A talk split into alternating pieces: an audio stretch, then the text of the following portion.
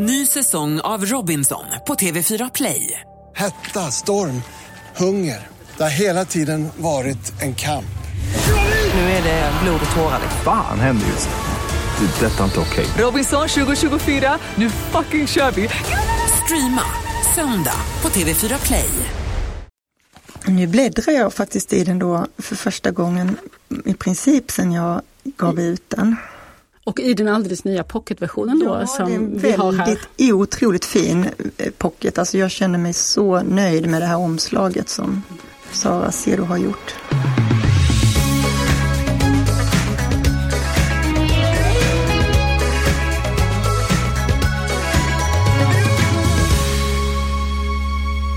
Det surrar i romanen Tistelhonung från en bigömma som ingen kan hitta den glödheta sommaren 1955 när 17-åriga Veronica träffar kärleken och konststudenten Bo. Och det ringer, eller tjuter, i öronen på Ebba mer än 60 år senare. En tinnitus som slog till i samma ögonblick Erik berättar att han lämnar henne för att han råkat göra sin exflickvän gravid. Ja, Sara Paborns roman handlar om passionens lika tvingande som förvirrande kraft och vad det egentligen är värt att ignorera här i livet. Och Sara är dagens gäst. Och på detta en historia från den så kallade verkligheten. Patrick Radden Keefes Säg inget skildrar en mordgåta som leder rakt in i terrorgruppen IRA och den såriga konflikten på Nordirland. Det här är Pocketpodden avsnitt 90 och jag heter Lisa Tallroth.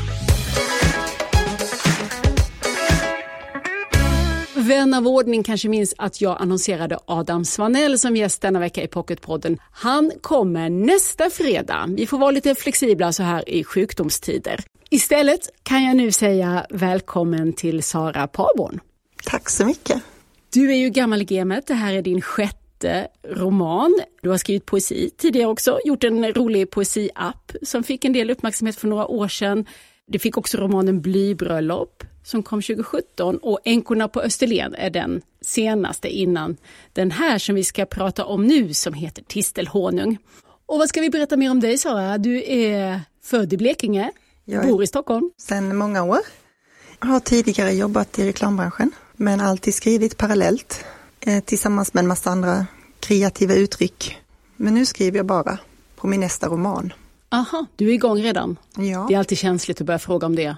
Vi kan spara det till slutet. För nu uppehåller vi oss vid den här Tistelhonung, ett vackert poetiskt namn. Och den har två huvudpersoner, den här romanen, och två tidsplan. Berättelsen börjar 2017 med att ett över 60 år gammalt minne flyter upp till ytan och hamnar i en frågespalt i en veckotidning. Berätta lite om den här upptakten och var du har fått den ifrån. Mm, just den här upptakten med den här insändaren till då ett medium i en veckotidning var faktiskt också den första impulsen som jag på riktigt fick till den här berättelsen. För att det var en insändare som jag såg på riktigt när jag satt och väntade hos tandläkaren. En kvinna då på drygt 80 år som hade mist sin man för några år sedan och sedan dess har hon då börjat drömma. Hade hon börjat drömma om en ungdomskärlek. Och hon ville egentligen fråga mediumet om han någonsin tänkte på henne. Eh, och då så kom det ett väldigt konkret svar där att eh, jajamensan och han har blå skjorta, alltså det var väldigt konkret. Han finns, han lever och, Ja. och han kanske till och med tänker på dig. Ja, hon skrev då lite fint att eh, människor som har stått nära varandra står ofta i stark kontakt, även efter många år och du kanske kan börja googla honom och hon försökte börja leka lite detektiv. Jag hade minnet av den där insändaren med mig. Varför fastnade den hos dig? För den är ju, det är ungefär precis så där som det ju börjar i boken också. Och, vad, och hur kommer det sig att du fäster dig vid den här texten? Mm, det är så eh, ömsint på något sätt att man efter ett långt liv vänder sig till en helt främmande människa. Alltså den tilltron som människan generellt har till att andra på något sätt kan berätta för en hur det ligger till. Och hur ska man göra i väldigt, väldigt livsavgörande frågor kanske. Och detta också att eh, det var någonting med en människa som har levt ett långt liv som har på på dagarna tänkt på någonting helt annat. Och efter väldigt många år så har en gammal kärlekshistoria återvänt i drömmarna. Hon skrev också att i drömmarna så är allting så otroligt tydligt och det är som att det var igår och vi har de mest fantastiska samtal. Och jag tänker ganska fascinerad av tid och vad tid egentligen är och hur liten roll tiden spelar. Till exempel om det finns en stark passion. Ja, för den här lever ju kvar, kanske har gjort under alla de här 60 åren som har gått hos mm. Veronica som vi får veta så småningom som är en gammal dam och har kvar det här minnet från sommaren 1955. Men den som läser den här tidningen, det var ju inte du då i boken, utan du har skapat en annan huvudperson som heter Ebba. Mm. Och hon är ju själv en eh, relationsexpert, har varit. Hon byggde sin framgång på att ge människor goda råd i, i både i ett radioprogram som hette Kärlekslaboratoriet och en rad bästsäljande böcker. Och den senaste i raden böcker fick titeln Skilj dig lyckligt, var det så? Ja. det råkar tyvärr sammanfalla med att hon själv hals över huvud förälskar sig i en kollega och eh, lämnar sin man under allt annat än lyckliga behärskade former. Mm. Vilket ju är det hon alltid har eh, liksom propagerat för, att man ska ja. bete sig som vuxen. Och du fångar var i livet hon står när man får veta här inledningsvis att nu har jag en enda stående krönika i en månadstidning Även om redaktören har uttryckt viss oro över att mina texter numera får läsarna att vilja avsluta sina liv, inte leva det. Så det är det hon lever på och sen konstruerar hon också korsord där hon försöker få in ord som tvivel, vanmakt och eh, själanöd. Så att även de som vill undvika att tänka på det här tvingas. Alla måste känna efter. så Ebba är ju, hon är ju verkligen en slags antihjälte. Hon är ju allt det vi inte ska vara idag. Hon är negativ och pessimistisk och ja. eh, slutar tvätta håret och berätta lite mer om var hon kommer ifrån, Ebba. Ja, alltså hon, det har ju fallerat totalt hon eh, har ju satt en ära i att vara sådär härligt förstående som man ska vara och jobba med sig själv. Och, och hon har ju också lyft upp sitt ex då som ett försöksdjur nästan i sina program. Och vi gör så här och vi röstar hemma och vi låter varandra prata till punkt. Och... Odrägligt eh, rationell. Och... Hon är odrägligt rationell. Och nu får hon ju liksom smaka på gatan här när hon faller för det här, den här producenten, en gammal avdankad popstjärna som hoppar in här på radion och eh, blir snabbt väldigt ociviliserad, så som människor kan bli lätt när de separerar eller skiljer sig. Fastän de har tänkt att de aldrig någonsin skulle, skulle aldrig göra det på det sättet. Så blir hon precis allt det som hon har lovat sig själv att inte bli. Hon är ju väldigt bitter bitter och negativ. Hon är ju faktiskt så negativ så att när jag lämnade manuset till Helene Atteling, min underbara förläggare på Albert Bonniers, så, så, så sa hon vid ett flertal tillfällen att hon är för bitter, nu räcker det, det räcker, det räcker, skrev hon i marginalen på manuset. För att man står inte ut med henne och hon förstår ju det här själv. Att hennes, hon vill inte umgås med sina vänner för att hon vill inte utsätta dem för sig själv. För det är ju där hon står i början av historien. Då har vi ju redan fått veta att den här passionen som hon då gav upp sitt äktenskap för hals över huvud, den har ju också gått i kras eftersom han då visade sig vara precis så bohemisk och eh, liksom flummig som mm. varför hon kanske blev kär i honom. Men det betyder också att han har vandrat vidare nu till något annat och har lämnat henne bakom sig och där ligger hon liksom som en blöt fläck. Ja, han har blivit tillsammans med en cirkusartist mm. dessutom, en akrobat. Ja, kan det bli värre? Nej. Men Ebba däremot, man blir ju märkligt upplyft och mår bra av att läsa om sådana här människor som faller igenom eller vara på väg att göra det eftersom det är det, är det alla är så rädda för att göra, mm. tänker jag. Är du också kanske? Sluta tvätta håret och eh, sluta bry dig. Eh, jag har nog gjort det ganska många gånger, alltså kanske inte just tvätta håret men det här med att falla igenom. Jag är en väldigt känslosam människa som eh, det kan gå väldigt mycket upp och ner för beroende på sakernas tillstånd och sådär. Och jag har själv ganska svårt för Eh, felfria människor som lyckas fantastiskt med sina liv och aldrig längtar efter något annat och allting är så bra. Jag blir alldeles eh, moloken för att eh, så lätt är det minsann inte för mig. Eller många människor som jag känner. Så jag tycker det finns något befriande att skriva med en sån person också. Mm. Och det, du tar ut svängarna med Ebba, eh, verkligen. Hon är ju en, en väldigt rolig karaktär också. Men sen har vi då den andra personen Veronica, den 80-åriga damen som har skrivit den här eh, insändaren. Henne får vi ju möta då den här sommaren 1955. Du backar bandet och hon är 17 år. Och eh, hon hjälper sin mamma som vanligt med att driva ett pensionat i Båstad i nordvästra Skåne. Mamman är änka, de har ganska bistra vintrar nere i Malmö vanligtvis men på somrarna öppnas ett fönster och eh, särskilt denna sommar, 1955. Och, och, jag tänker just för alla som älskar pensionat, det verkar finnas en stor folkrörelse för människor som älskar pensionat, så är detta verkligen en guldklimp av eh, atmosfär och detaljer. Alltså jag älskade att skriva de styckena. De styckena kan fortfarande leva i mig. Och har nog alltid levt, för jag hade en gamla faster som åkte mycket på pensionat. Hon var väldigt gammal när jag var liten och levde till hon var över hundra. Och eh, det här pensionatslivet har jag fått höra om i andra hand. Och jag har varit en sån där som har fantiserat mycket om, om det. Men jag nördade ju ner mig totalt och åkte runt mycket. Och Båstad finns det ett pensionat där jag bodde periodvis.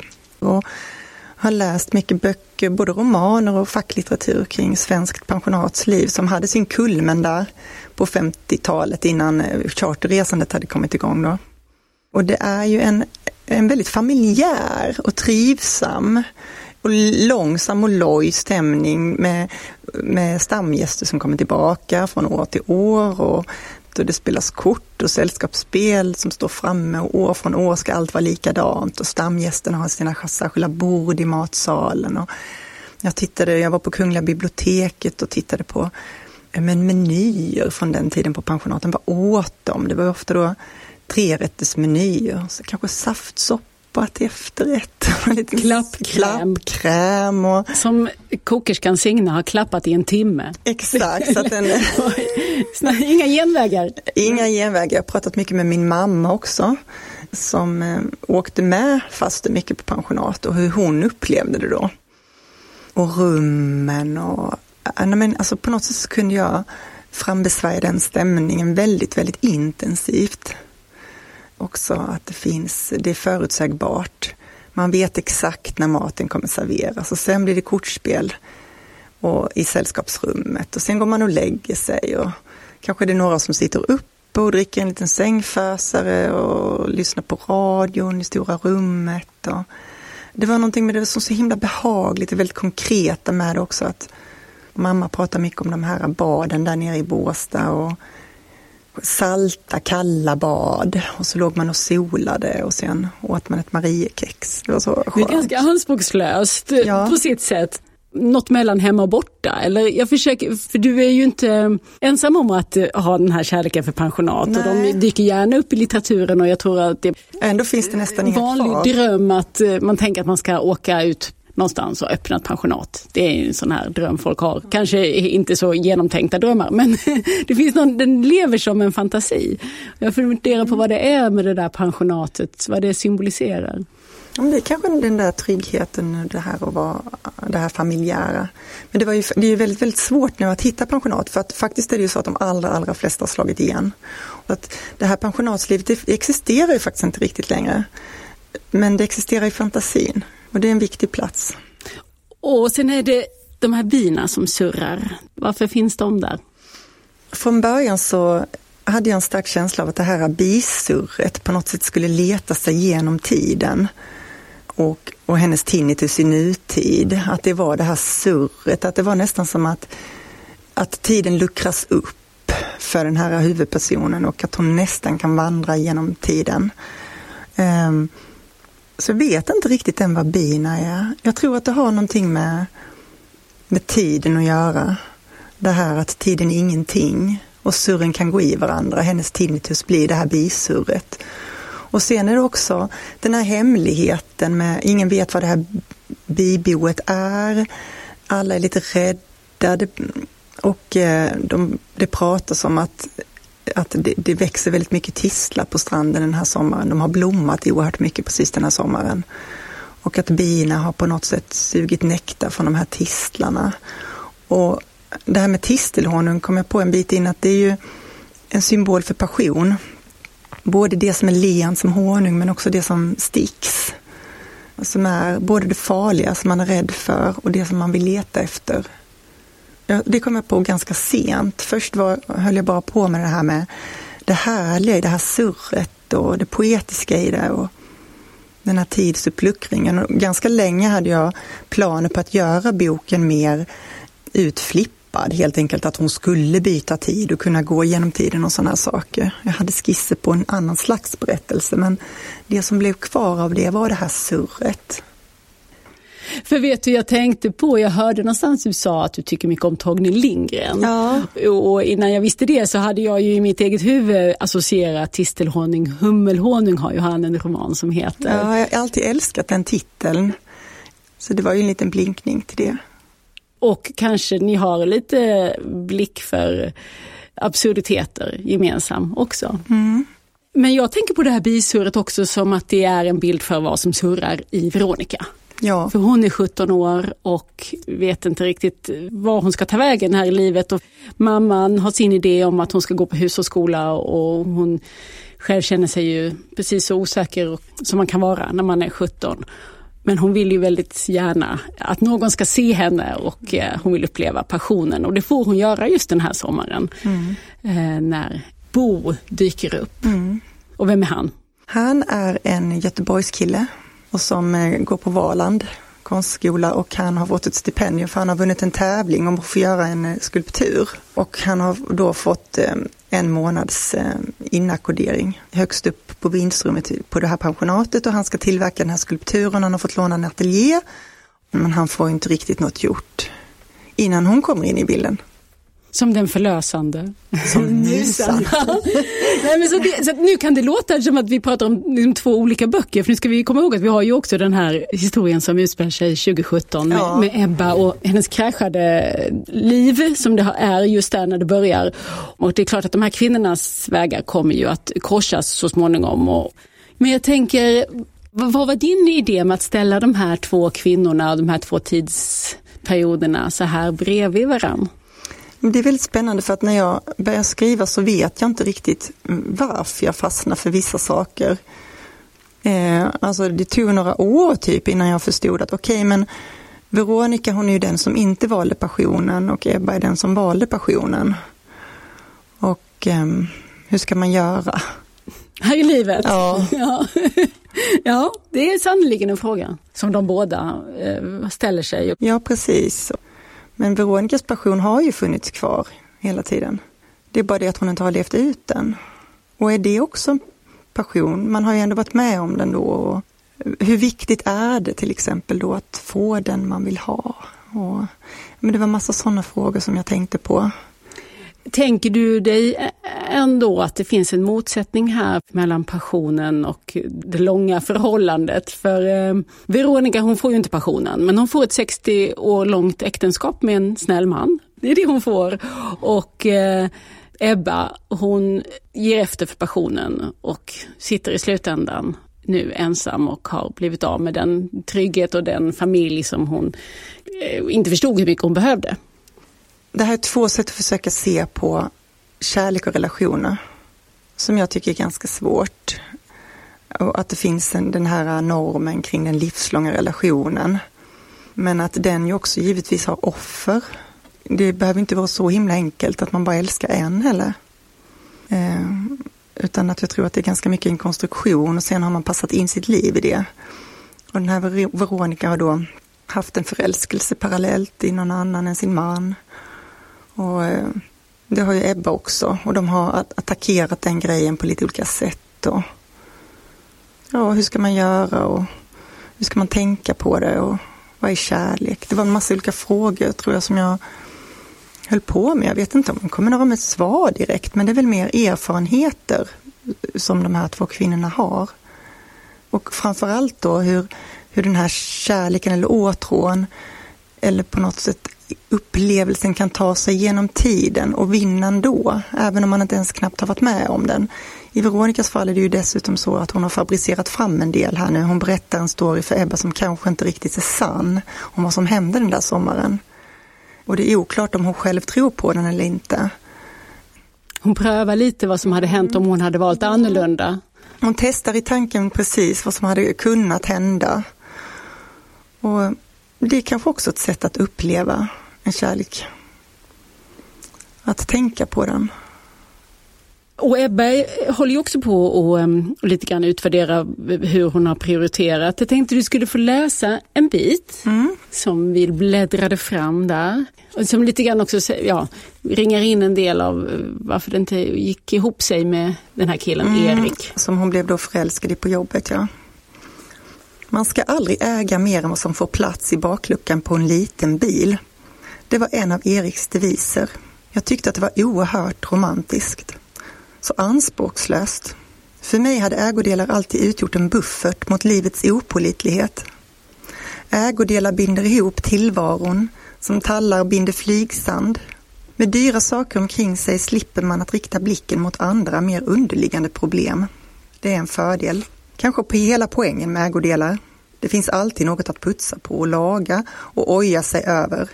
Gräs ska klippas, ekskivor oljas in, Kaffebönor inhandlas och malas. Kläder strykas och sorteras. Staket målas. Man kan visserligen se det som en befrielse från självförverkligandets tyranni. Man slipper ställa sig frågor som Vad är meningen med det här? Lever jag det liv jag vill leva? Vad längtar jag efter? Vad är min uppgift här på jorden? Vem orkar egentligen med sådana frågor i längden? Det är inte konstigt att vi bara konsumerar istället. Men de senaste åren har jag undrat om jag verkligen ignorerat rätt saker. Detta är Ebbas tankar. Ja, vem orkar egentligen med de här frågorna? Det är en jättebra fråga som du ställer. Jag känner också det, att man har väl fullt upp med nuet. Eller så kan jag känna. Jag hade någon kompis som frågade mig så här, Åh, vad, vad, vad är Sara om fem år? Jag menar, man vill ju bara hoppa från ett högt torn.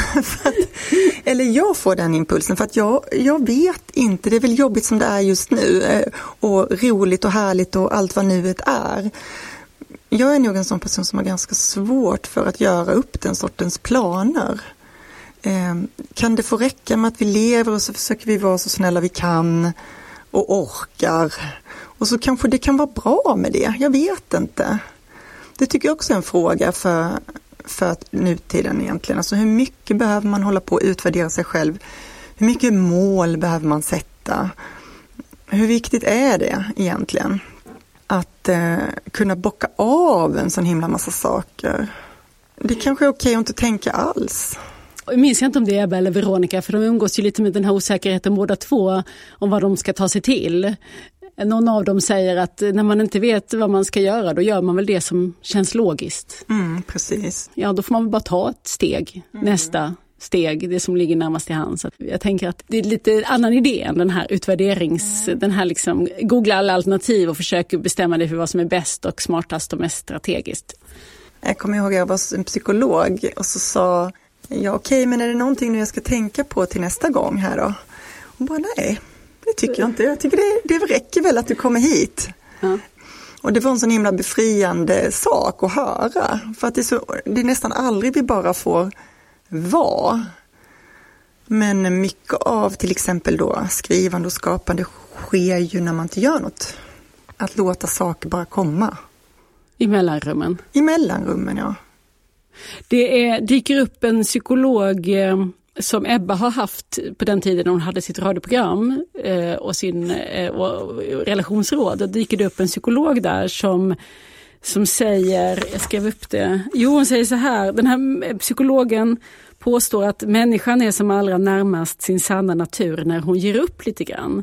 Att i förvirringen kan finnas något befriande som gör att saker kan värderas på ett ärligare sätt.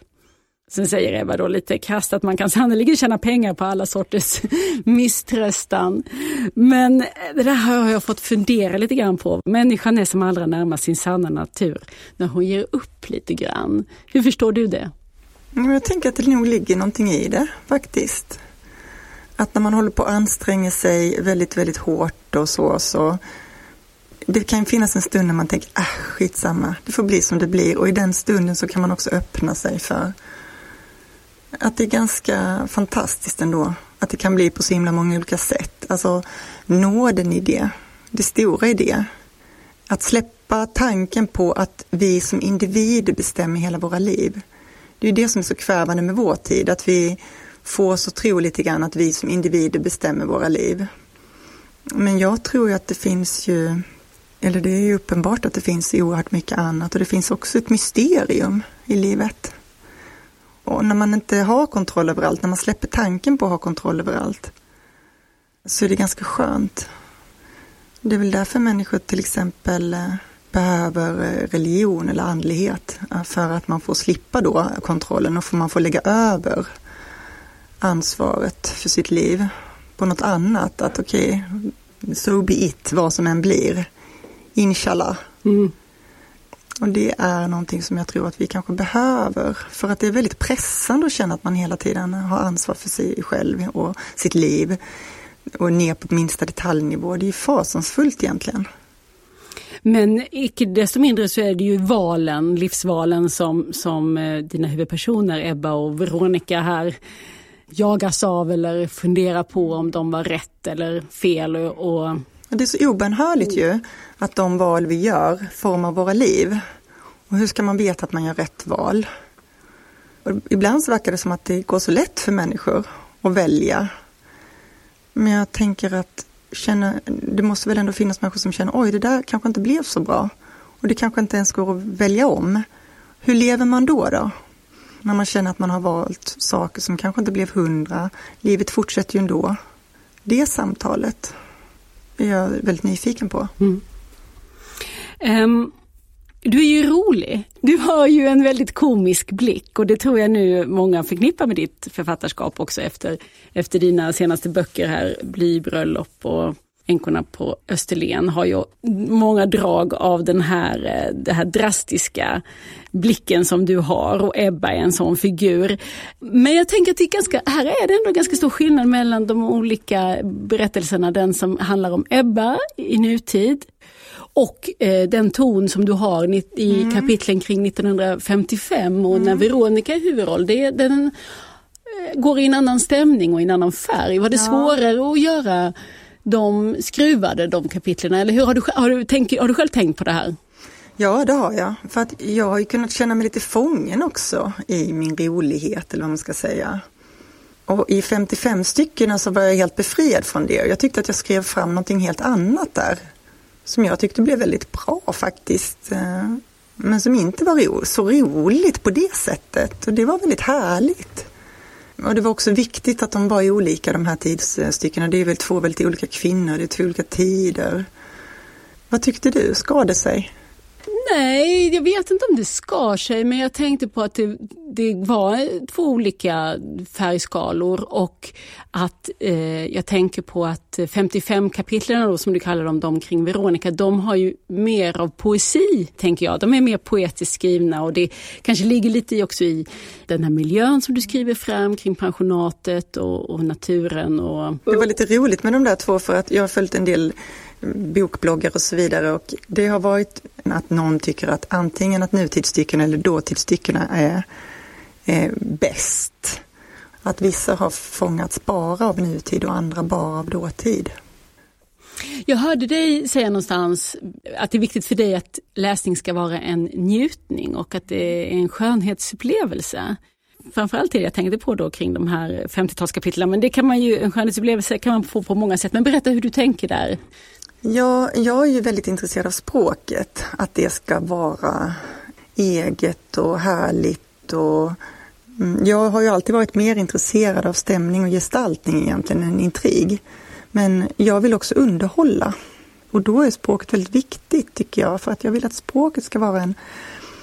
Det är det som är mitt fingeravtryck och det som jag vill öppna upp själar med på något sätt. Eller hjärtan hos den som läser. Komma nära. Eh, när jag läser själv så kan jag vara väldigt, väldigt förtjust i författare som lyckas skriva fram lyckokänslor eller din huvudperson i Blybröllop. Mm, Irene Husvik. Ja, hon är ju också en, eh, hon strider ju för det här. Som litteratur som njutning, som skönhetsupplevelse, värdet i estetiken. Så du kommer tillbaka till det här? Ja, det har pratats mycket om böckers och konsts vara och, och rätt att få finnas att den kanske måste vara aktuell och det måste vara angeläget och det måste innehålla ett samtidsämne. Och, men jag menar ju på att um, det finns ett värde i sig, i skönheten som kan frambetvinga tröst eller eh, hela den eh, komplexa paletten av känslor som det är att vara människa. Inte bara ligger värdet i själva berättelsen utan i gestaltningen i sig.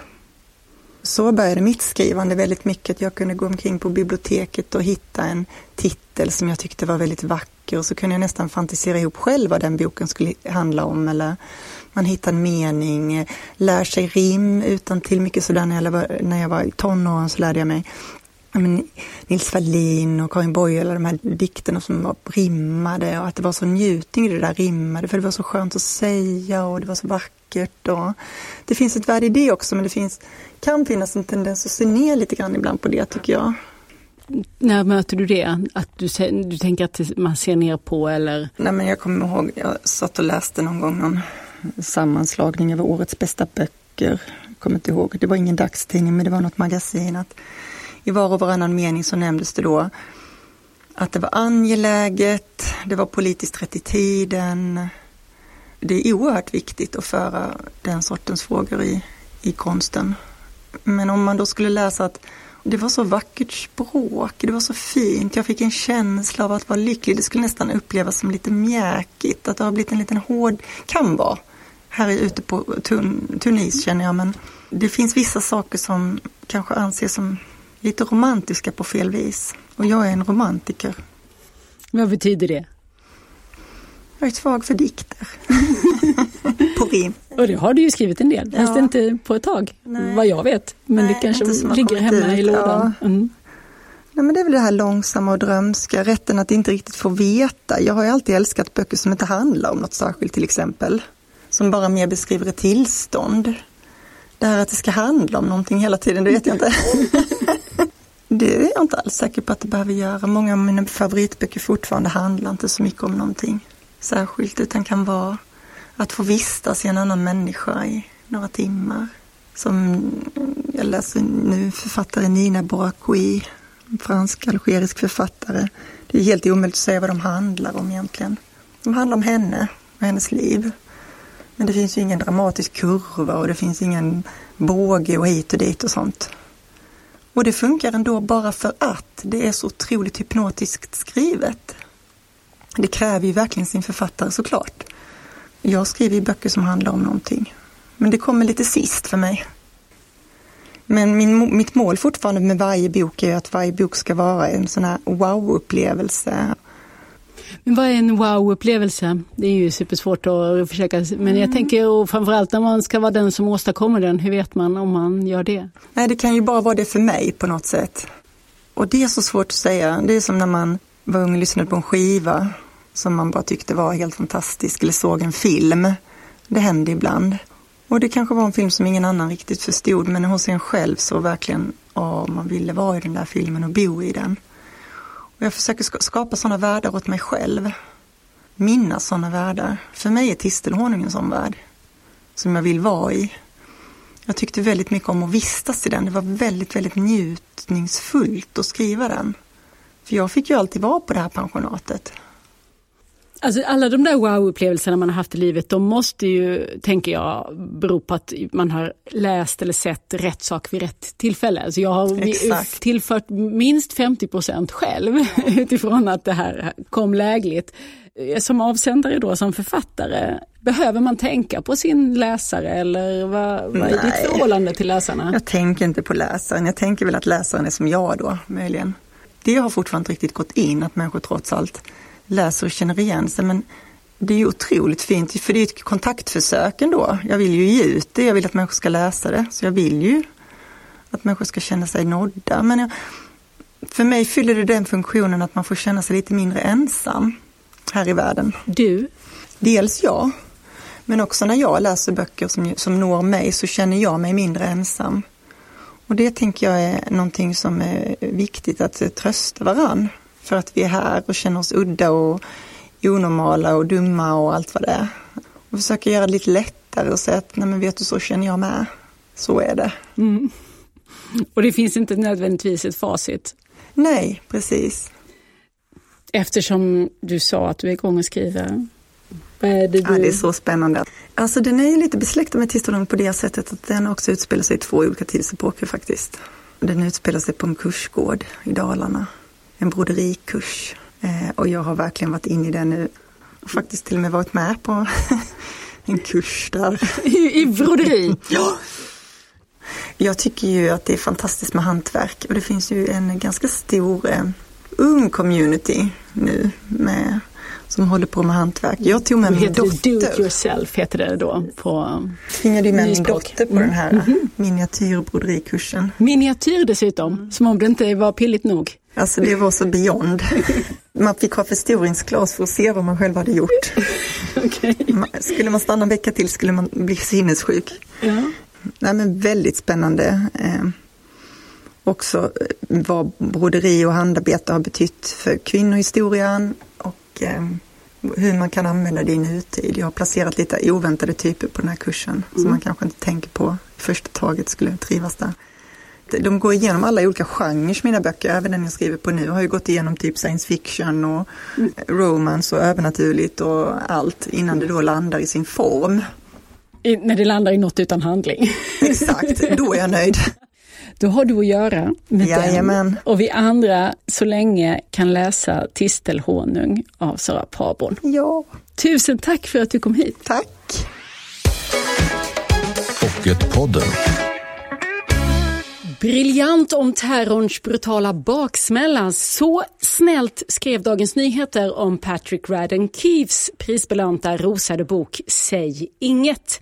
Eh, Patrick Radden Keefe är journalist på The New Yorker och Daniel Sandström är förläggare på Albert Bonniers förlag för denna bok. Och vad är det för berättelse man får här?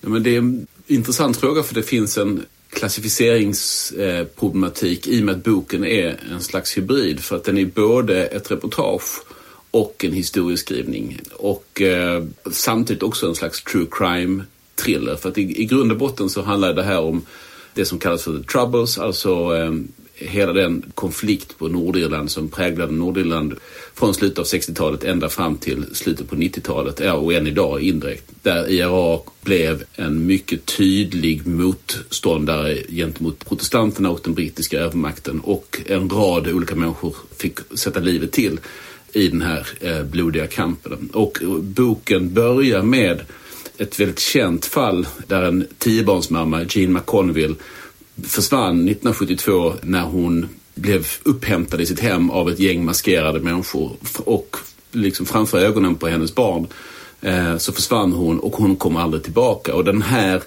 den här inledningen på boken och det här inledande traumat och vad hände med henne och vilka låg bakom. Det är det som Patrick Radden Keefe försöker ta reda på. Och, och eh, när, medan han då liksom går till botten av, för det var ju så här att hon blev ju hämtad av IRA och hon blev hämtad av sina grannar mer eller mindre. Och det här visste ju folk om.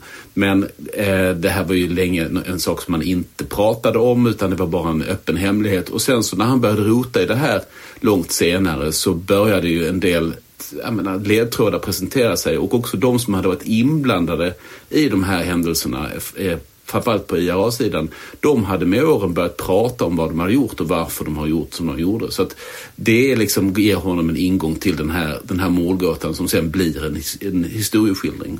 Men han är amerikan. Det låter ju som att han skulle vara irländare men han jobbar ju på The New Yorker så jag, han har egentligen inte själv någon koppling till Irland eller? Nej, och det tror jag är faktiskt, alltså det kan en del säkert tycka att det ligger honom i fatet men han har ju, han har irländska rötter på, i sin familj men han är ju han är född i, i USA och uppvuxen i USA. Men jag tror att är man från Irland själv eller från Nordirland så, så får man ju inte den här distansen till frågan därför att den är, den är så laddad och eh, har varit så under så många decennier. Men en annan sak som gör att den här boken blir så ögonöppnande är ju att han går igenom egentligen hela den konflikten. Och växte man upp som jag gjorde på 70-talet och 80-talet med den här konflikten i, liksom i bakgrunden och när man var i London på 80-talet så fanns det liksom larm, bomblarm hela tiden. Den här terrorn som IRA utsatte folk för och framförallt britterna eller e- engelsmännen i London. Den terrorn var ju någonting som man levde med så han sammanfattar det här på ett sätt så att man får hela bilden och det är, det, det är ju väldigt ovanligt. Patrick Radden Keefe är det vi pratar om och hans nu då eh, pocketaktuella Säg inget som har fått eh, undertiteln En sann historia om mord och terror på Nordirland. Tusen tack Daniel Sandström. Tack, tack. Ja, som sagt, Adam Svanell var utlovad till denna vecka. Han kommer nästa fredag här i Pocketpodden och då ska vi prata om hans bok Anonyma prestationister. En historia om stress är undertiteln. Och det här ska vi borra i ur såväl det personliga som historiska som politiska perspektivet nästa vecka här i Pocketpodden. Tills dess, du följer väl oss i sociala medier. Där heter vi Älska Pocket och jag heter Lisa Tallroth. Hej då! Du har lyssnat på Pocketpodden. En podd från Bonnierförlagen.